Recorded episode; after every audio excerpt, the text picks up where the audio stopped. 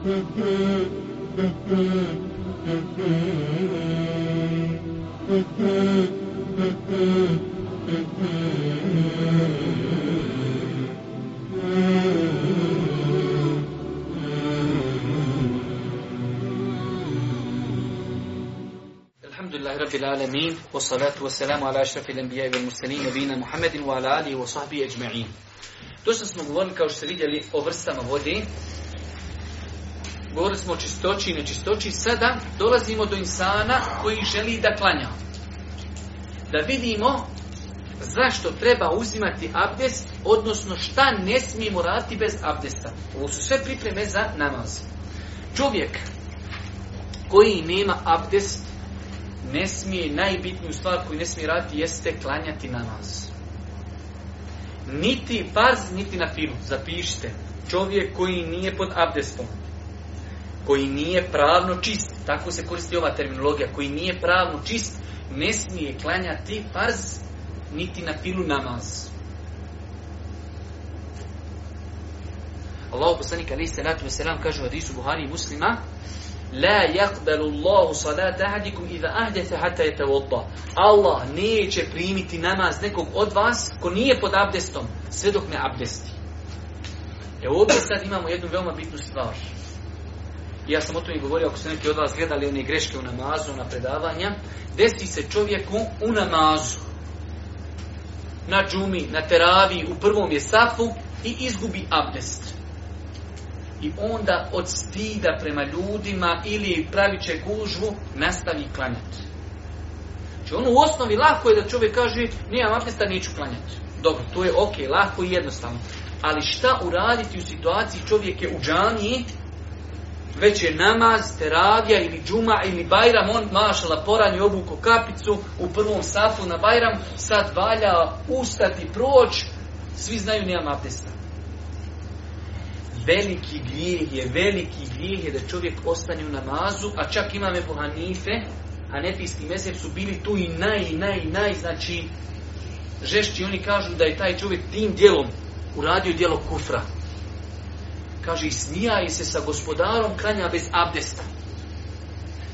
I zato ovo dobro da zapamtite da bi se nekome desilo da izgubi abdest nije mu dozvoljeno da ostane u namazu. Prekida namaz, ako može zbog uže, ako ne može izići, nek samo sjedne i sjedi i čeka da se završi namaz. Ako može izići, ima opciju, znači ima i opcije da se uzme za nos, kao da mu je počela teći krv i nek iziđi ali znači ne smije ustati u namazu. To je sve vezano za osobu koja nema abdest, ne smije namaz od početka početi klanjati bez abdesta i ne smije u toku namaza ako izgubi abdest ostati onaj u namazu. U pogledu, vi ste vjerojatno dosta puta slušali učenje Kur'ana, odnosno dodirivanje Kur'ana. Pazite, imate dvije, dva rašta pitanja. Učenje Kur'ana bez abdesta i dodirivanje Kur'ana kao mushafa bez abdesta. Što se tiče učenja Kur'ana bez abdesta, čovjek sada sjedi ovako, nema abdest i uči. Allahu ahad, samet. Znači, nema smetnji. Možete zapisati, nema smetnji da čovjek uči Kur'an bez abdesta. Uči Kur'an, samo uči, bez dodirivanja Kur'ana. Normalno da je bolje da ima abdest, ali je pitanje da je Drugo pitanje, može li dodirivat Kur'an mushaf bez abdesta? Ovo ćete sad zapisati ovako. Četiri pravne škole i četiri Mesheba su smatrali da je haram dodirnuti mushaf bez abdesta. Četiri pravne škole, to je četiri Mesheba, sve četiri ambelijski, šafijski, malikijski, hanefijski kažu da čovjek koji nema abdesta ne smije dodirnuti Kur'an. I mi kažemo da čovjek koji nema abdesta ne treba dodirivati Kur'an, ali ako postoji potreba, zatim ovo je znači moj stav, normalno prije mene, znači ko sam ja već, znači bukvalistička pravna škola, poznata kao zahirijska pravna škola, dozvolila je da čovjek dodiruje Kur'an bez abdesta. Zato što ne postoji jak dokaz iz kojih proizilazi da je čovjeku koji nije pod abdestom haram dirnuti Kur'an. Mi kažemo čovjek musliman poštujući Kur'an ne treba dirati Kur'an bez abdesta. Ali da se desi, čovjek primjer radi u autobusu, putuje negdje na dužu relaciju, a ima džepni Kur'an i nema abdest. Ne zna nešto puno Kur'ana na pamet, a vozit će se možda iz Zavidovića do Sarajeva, sat tipu ili dva nema smetnje išao da izvadi Kur'an iz džepa i da uči, makar nema u abdesu. Ali, ako ima opciju da uzme abdes svakako je bolje da uči pod abdestom. Nadam se da ste me razumijeli. Znači, četiri mezeba kažu da je haram učiti Kur'an, dirati Kur'an bez abdesta, dirati Kur'an. Ali ja kažem, to pitanje sam studiozno gledao, ne postoji jasan dokaz koji to potvrđuje. Ali ipak četiri mezeba nisu male stvari. Zato mi kažemo, poštujući njihov stav, mi kažemo muslimanima, nemojte dirati Kur'an bez abdesta. Ali da dođeš u opciju da trebaš dodirnuti Kur'an, a nemaš abdesta, a potrebno ti je. Inšala dodirni i inšala bi iznila nisi griješan. Ali kad god možeš dirati Kur'an, pod abdestom bolje je da uzmiš Kur'an pod abdestom nego bez abdesta. Nadam se da smo to ako Boga shvatili.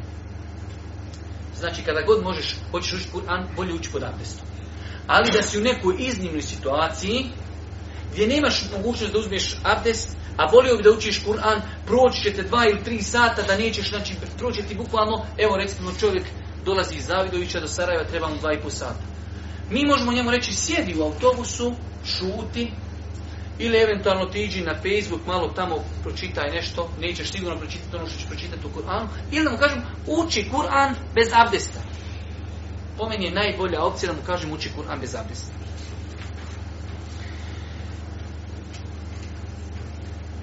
To je od stvari koje ne bi smio da radi čovjek bez abdesta.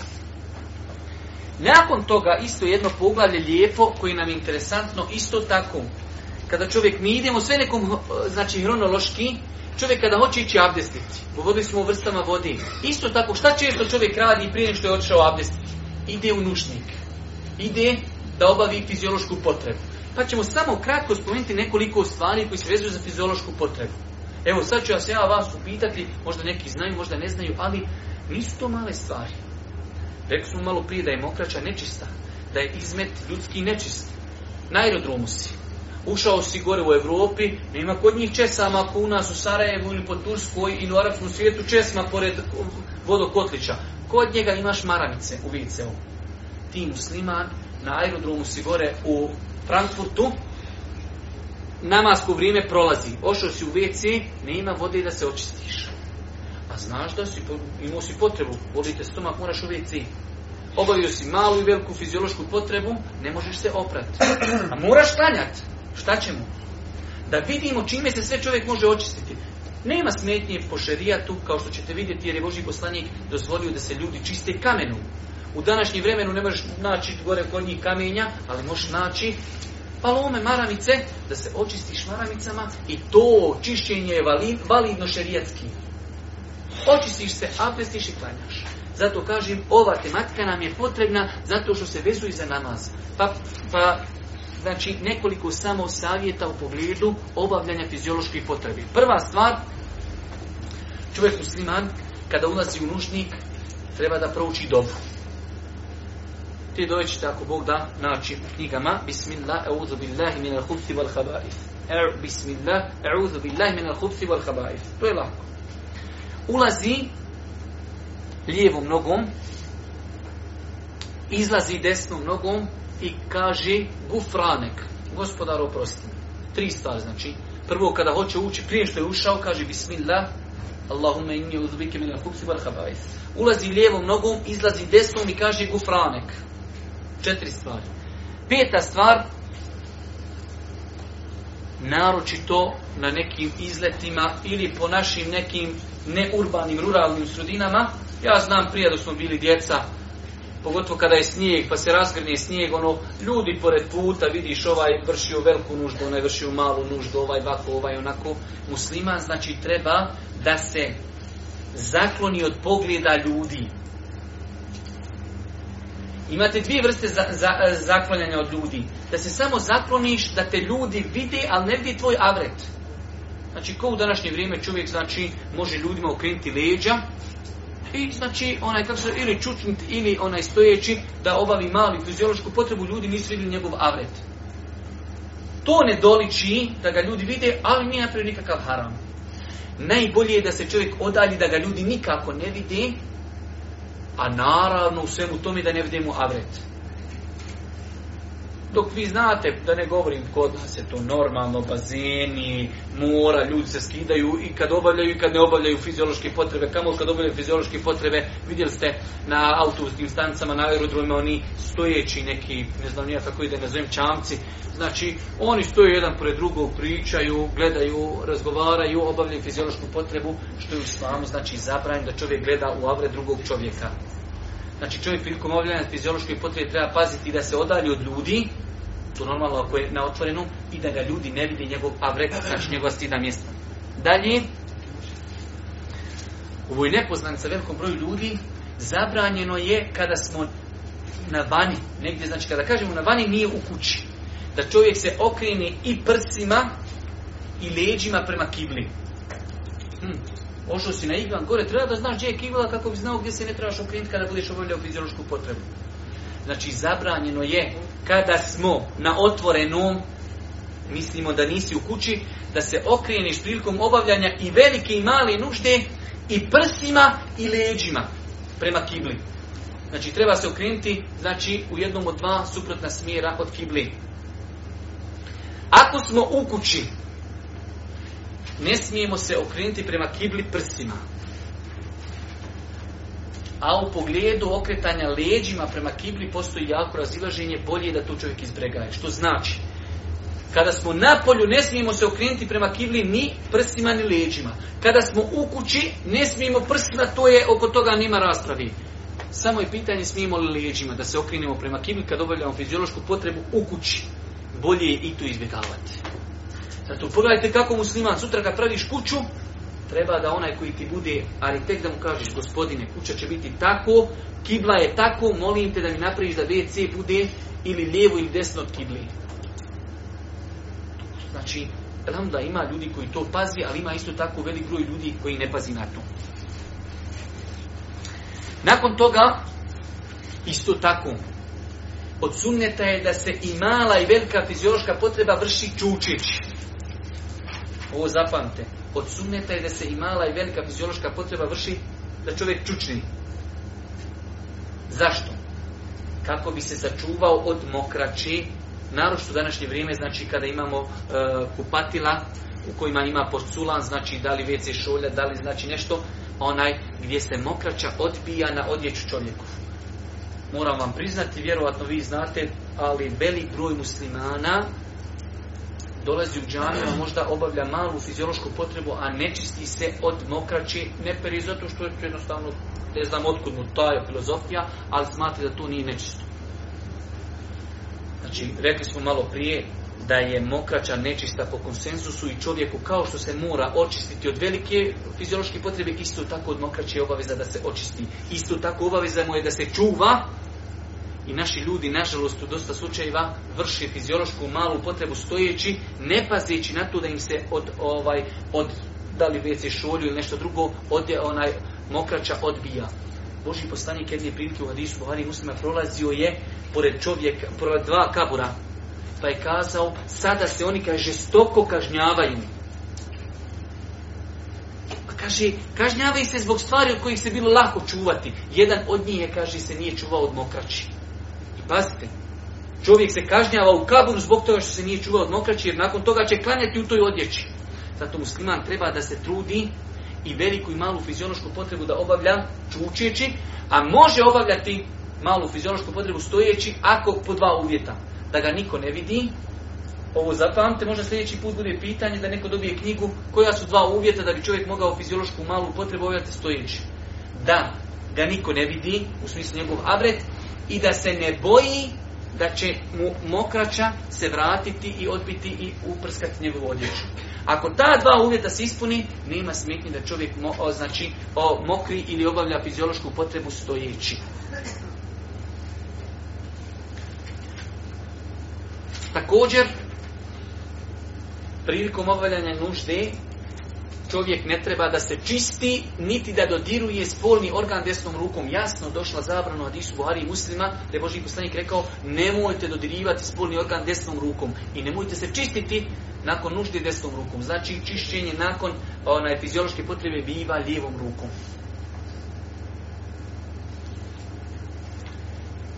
Isto tako, čovjek treba da se čuva, znači, da ne ezijeti ljude tako da obavlja fiziološku potrebu malu ili veliku po mjestima gdje ljudi hodi po putevima ili u hladovima gdje odmaraju. Neka dođeš ono hlad, lijep pora neki pored puta, hoćeš da sjedneš kad tamo sladoledi. Niži sjedi se šuti, a to što je neko bio nekulturan i onda će doć neko ko će mu psovati babu i mamu i dedu i nenu i nizlaznu i sudlaznu losu sve nema potrebe, znači čovjek treba, pogledajte kako je islam savršen, koliko čovjeka odgaja do te vjere da pazi, da ne uznemirava ljude ni na koji način. E imamo sada onaj drugi vid čišćenja od nužde, a to je čišćenje nečim mimo vode. Ovo cijelo vrijeme govorimo o obavljanju nužde i vode. Ovo, hvala laupa je vjera potpuna i savršena. U šerijatu je dozvoljeno da se čovjek i od mali, od velike nužde očisti tvrdim i čistim predmetom koji u sebi ima mogućnost uklanjanja nečistoći. Pazite, tvrd, čist i da ima u sebi mogućnost otklanjanja nečistoći. Ko znatni, zašto smo spomenuli ovu zadnju klauzulu, dobiva knjigu koju hoće ovdje. Pazite, rekli smo, u šerijatu je dozvoljeno da se čovjek očisti sa nečim što je tvrdo. Znači, čisto i da ima mogućnost uklanjanja nečistoći.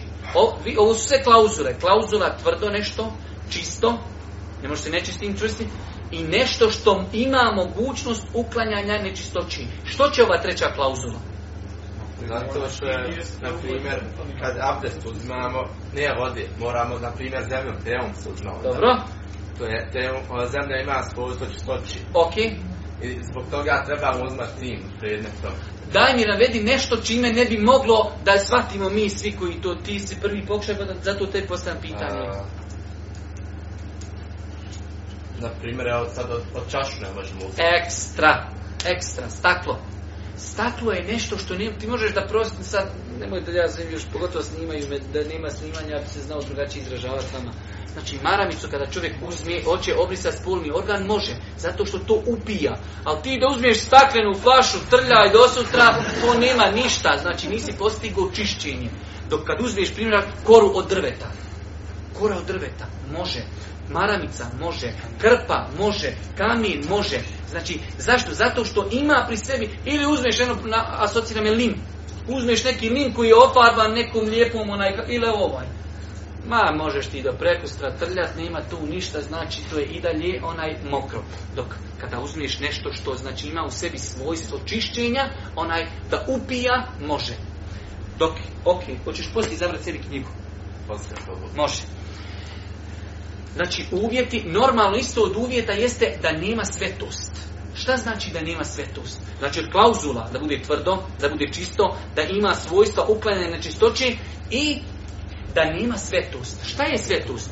Na, ne, na primjer da ne do Allah čovjek uzme iz knjige, normalno da uzme čovjek iz sveske, papir može, ali uzme iz hadijske zbirke, iz Buhari, otkrije list i očisti sa tim. To je zabranjeno. Ili šta ima još svetost? Hrana čovjek uzme da Allah oprosti hljeb i hljebom. To sve ima sve. Ovdje obuče, ona e, voće. U islamu voće ima sve to. je, to je risk, to je napaka. A ljudi su ludi, šta bi sve ljudima palo da, da mu čovjek ne postavi ove klauzule. Znači, da onaj kak se zove, nema svetost. Da nije neki papir na kojem ima kuranski ajet ili hadis, da nije znači hrana, da nije onaj kak se zove voće, sve su to stvari koje su u šerijetu, imaju svoju svetost.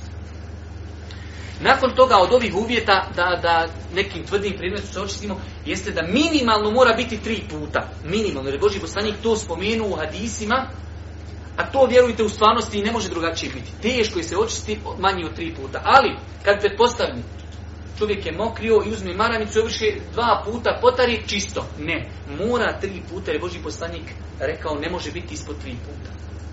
Znači minimalno tri. Lijepo je da se zaustavi na neparnom broju. Ako čovjek otari četiri puta i čist spolni organ, i piti put da otari zbog toga što je neparna stvar, znači u šerijetu pohvalno. Također,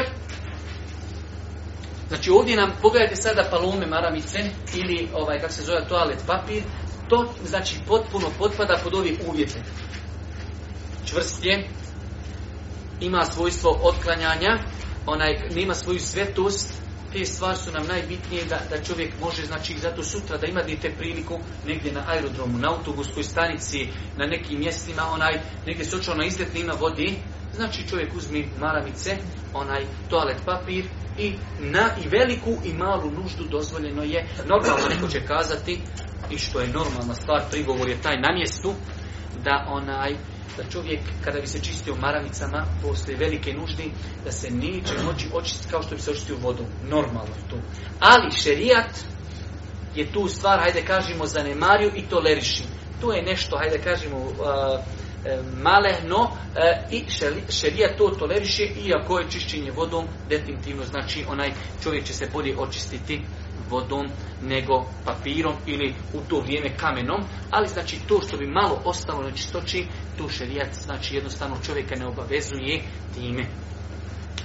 Prelazimo nakon toga na jedno lijepo poglavlje, kratko ćemo se kod njega zadržati i onda inšala biznila e, u drugom času ćemo početi sa propisima abdesta, a to su urođena svojstva. U svim skoro knjigama fikha nakon što ulema govori o, obavljanju fiziološke potrebe, nakon što govori o vrstama vode, govori o urođenim svojstvima kod čovjeka. Nažalost, mi živimo u vremenu kada se priroda velikog broja ljudi izopačila da su postali nerijetko gori nego hajvani. E, Islam nas uči da čovjek u svemu tome bude prirodan, pa čak i određenim svojstvima koje ćemo sada spomenuti. Allah poslanik ali se vrati u hadisu Buhari i muslima kaže pet je stvari koji, koja su, ukazuju na prirodu čovjeka. El istihdad, uklanjanje dlaka oko stidnih mjesta. El hitan, sunnečenje. Kasu ševarib, potkraćivanje brkova. Netful ib čupanje dlaka ispod pazuha i taklimul avafir, rezanje nokata. Još ćemo jednom ponoviti hadisu Buhari muslimu debu Huriri, da je Boži poslanik kazao pet stvari su urođena svojstva kod čovjeka, što znači onaj ko bude pazio i uklanja ovih pet stvari, on izgleda onako kako je Allah stvorio insana u prirodi. U njegovom, znači, najljepšem obliku. Prva stvar, istihdad, uklanjanje dlaka oko stidnih mjesta. Druga stvar, hitan, sunnečenje, obrezivanje, kasu šelarib, potkraćivanje brkova, netful ibt, pazite ovdje svi termini su bitni, netful ibt, čupanje dlaka ispod pazuha i peta stvar, skraćivanje nokata. Imamo u jednom drugom hadisu Ibn Omara koji isto kod Buhari i muslima jeste da je Boži poslanik rekao puštajte brade, a skraćujte brkove. Jer hadisu je gore samo spomenuo brkove, a nije spomenuo brade. Pa je u drugom hadisu to pojašnjeno, pa je Boži poslanik kazao puštajte brade, a skraćujte brkove. Svaku od ovih stvari ćemo samo kratko onaj spomenuti.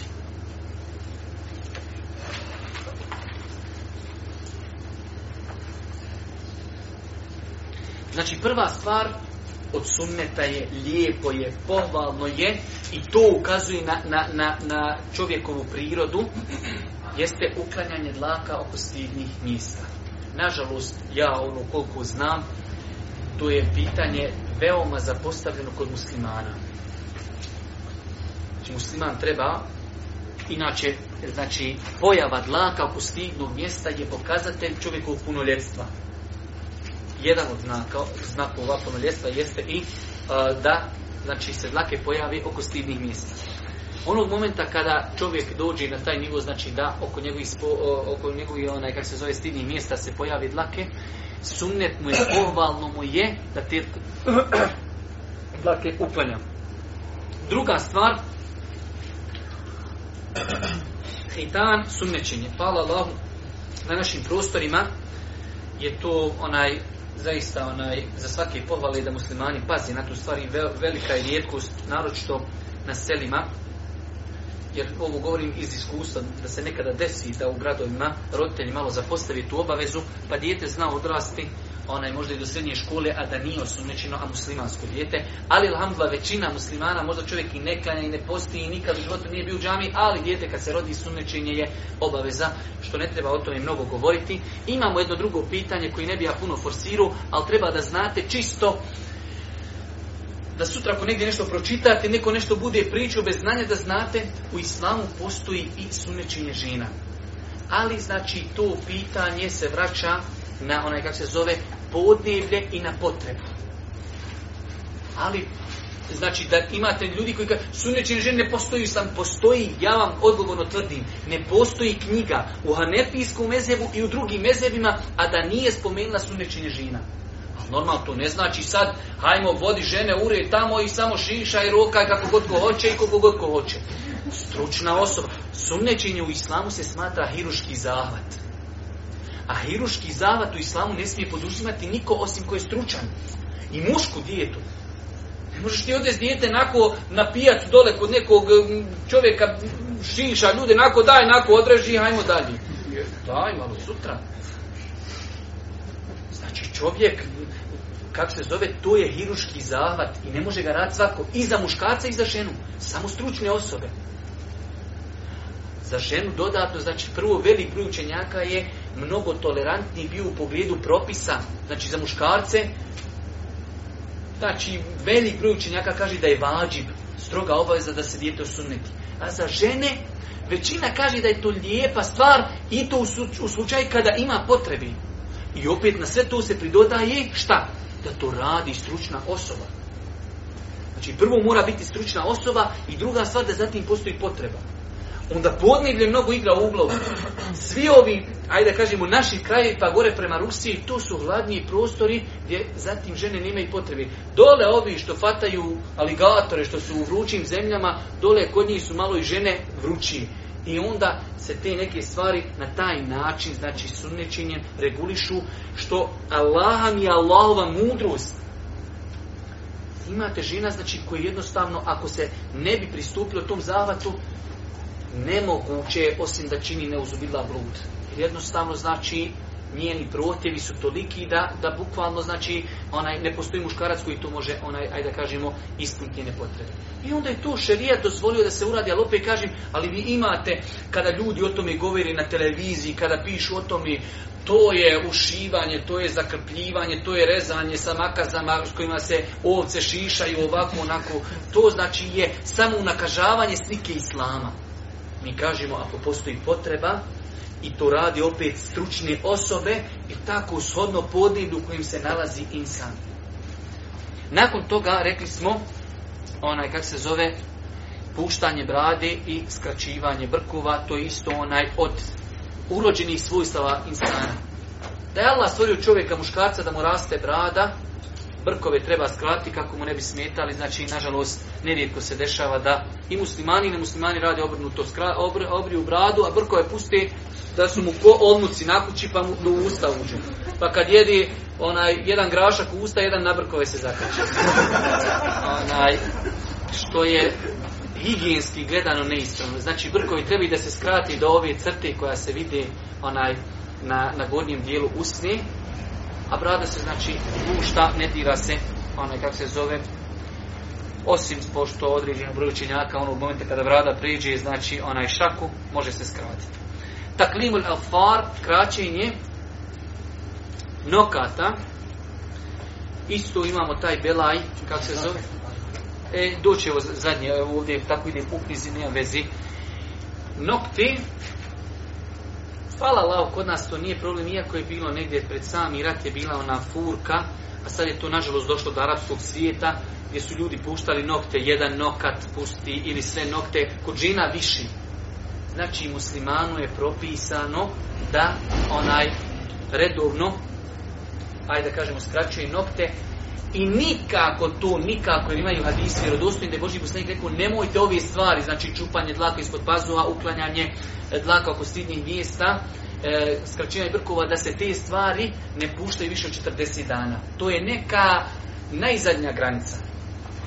A prije toga su odno potrebe, jer se ljudi razlikuju. U nekoga nokti brži rastu, valjda turbo, šta ja znam, šta je, u nekog brži, u nekog sporije, kosa brži raste, sporije raste, u svakom slučaju shodno potrebi. Onog momenta kada vidimo da su nokti narasli, znači treba i onaj odsjeći, a naročito ako na to pridodamo činjenicu da ima određen broj ljudi koji pušta nokte oponašajući nevjernike. Naročito kod žena je to primjetno, pa vidite, znači, žena koja ima, znači, muslimanka nokte što je svakako neispravno. I zadnja stvar jeste čupanje dlaka ispod pazuha. I to je od urođenih svojstava čovjeka. I to isto svojstvo, nažalost, pogotovo u nekim ruralnim sredinama, znači po selima, ljudi tome, znači, malo pažnje posvećuju gdje ne mislim da iko ima od vas da nije vidio nekog Bošnju kad digne ruku pa tu ko grm znači kad se zove znaka moglo bi znači bukvalno zec tu se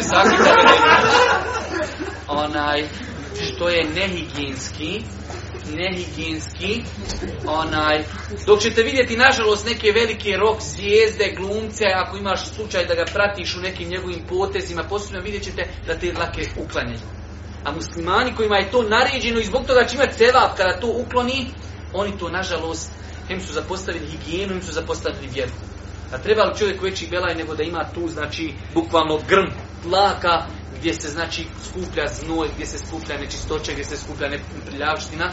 I velika je blagoda da nas je Allah svevišnji uputio na to da mi te stvari sklonjamo. Ovdje od sunneta, znači, da se te dlake čupaju. Od sunneta. Imamo dva sunneta. Sunnet jedan je da se ukloni dlake i drugi je da to bude čupanje. I imate te metode, to je poznato, onaj, kad zove, po zapadu kupite ona ljepila, to se zalijepi, otkine se, neko može trpiti, neko ne može, onaj ko ne može, šerijat ga ne duži, šerijat ga traži njega da ukloni dlake. Najljepši je na način čupanja ko može izdržati, ko ne može, znači to će vratiti na bilo koji drugi način, da li znači sa ovim nekim onaj brijačem ili sa nekom mašinicom, znači pojenta je da čovjek ukloni dlake.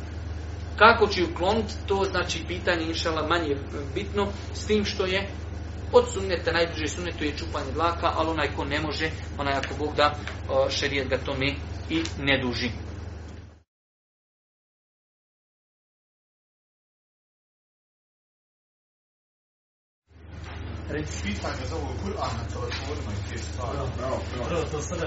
Pa ima dosta učenjaka današnjih doba koji su inšala dozvoliti dozvolili da, da, da taj Kur'an, da je to elektronska forma i da je to nešto što je u jednu ruku virtualno. Znači ti kad uzu sad taj mobitel, razbiješ ga, ti ne možeš tamo naći strancu Kur'ana.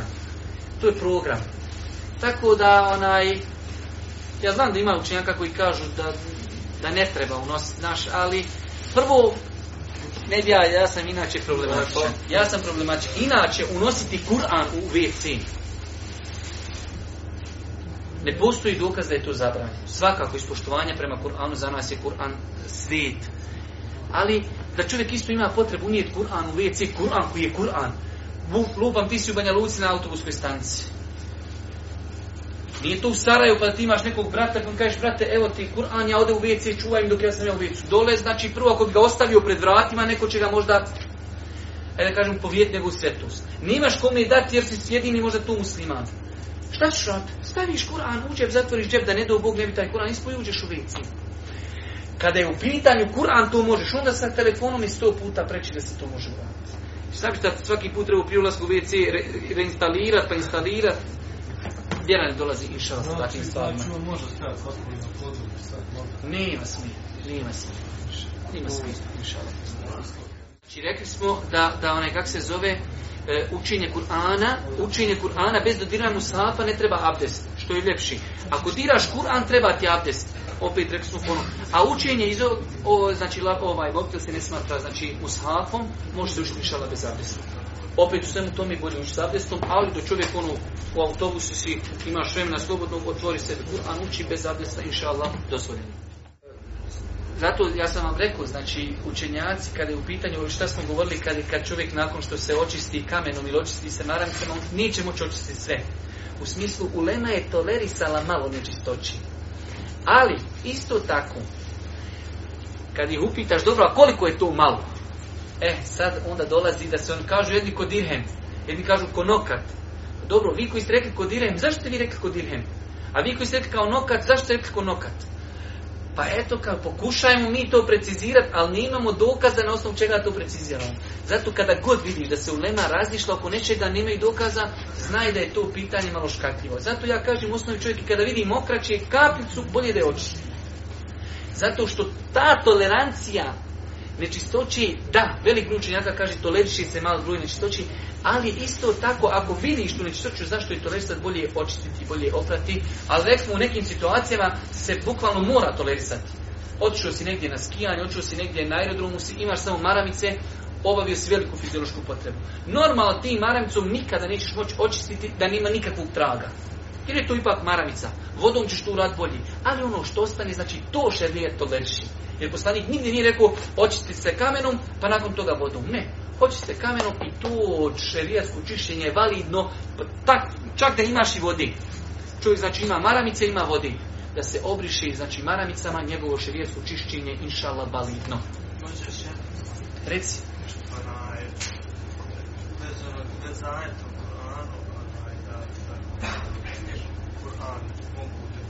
da. Da. To, je, to je, zato sam vam ja rekao kad smo govorili da li Kur'an se smije dirati bez abdesta, rekli smo četiri meseba kažu ne može bez abdesta. Jedan od dokaze je do, furanski ajd Allah Žešan kaže La je mesuhu illa Ne dodiruju ga osim oni koji su čisti. Prvo ovaj ajet, pitanje je da li se odnosi na Kur'an. Pa je ispravno mišljenje da se to odnosi na melek i da se odnosi na levni mahfuz. Tako da onaj dokazivanje ovim ajetom nije validno, jer znači ne kaže se u Kur'anu ne smije dodirniti Kur'an niko osim koji ima abdest. Već je rečeno ne dodiruje ga. Koga? Allah najbolji zna, kontekst ajeta govori o tome da knjigu i Mahfuz na nebesima u kojoj je zapisano sve od e, stvaranja Adem a.s. Do, do sudnjeg dana, da nju ne dodiruje niko osim meleki koji su osnovi čisti. Tako da onaj, taj ajet jest jedan od dokaza, ali ne mora značiti da svaki put kada ti neko pondi dokaz, da je dokazivanje tim dokazom valimo. Znači on pondi, kaže ovo je moj dokaz, ali njemu kažemo, da, tu je vaš dokaz i kuranski ajet u osnovi validan, ali način dokazivanja je li ispravan. Tako da, ja sam rekao, zato ostajem pri, pri tom stavu, kad god možete učiti Kur'an pod abdestom, učite ga. Ali ako dođete u situaciju da ne možete imati abdest, a hoćete učiti Kur'an, učite na moju odgovornost.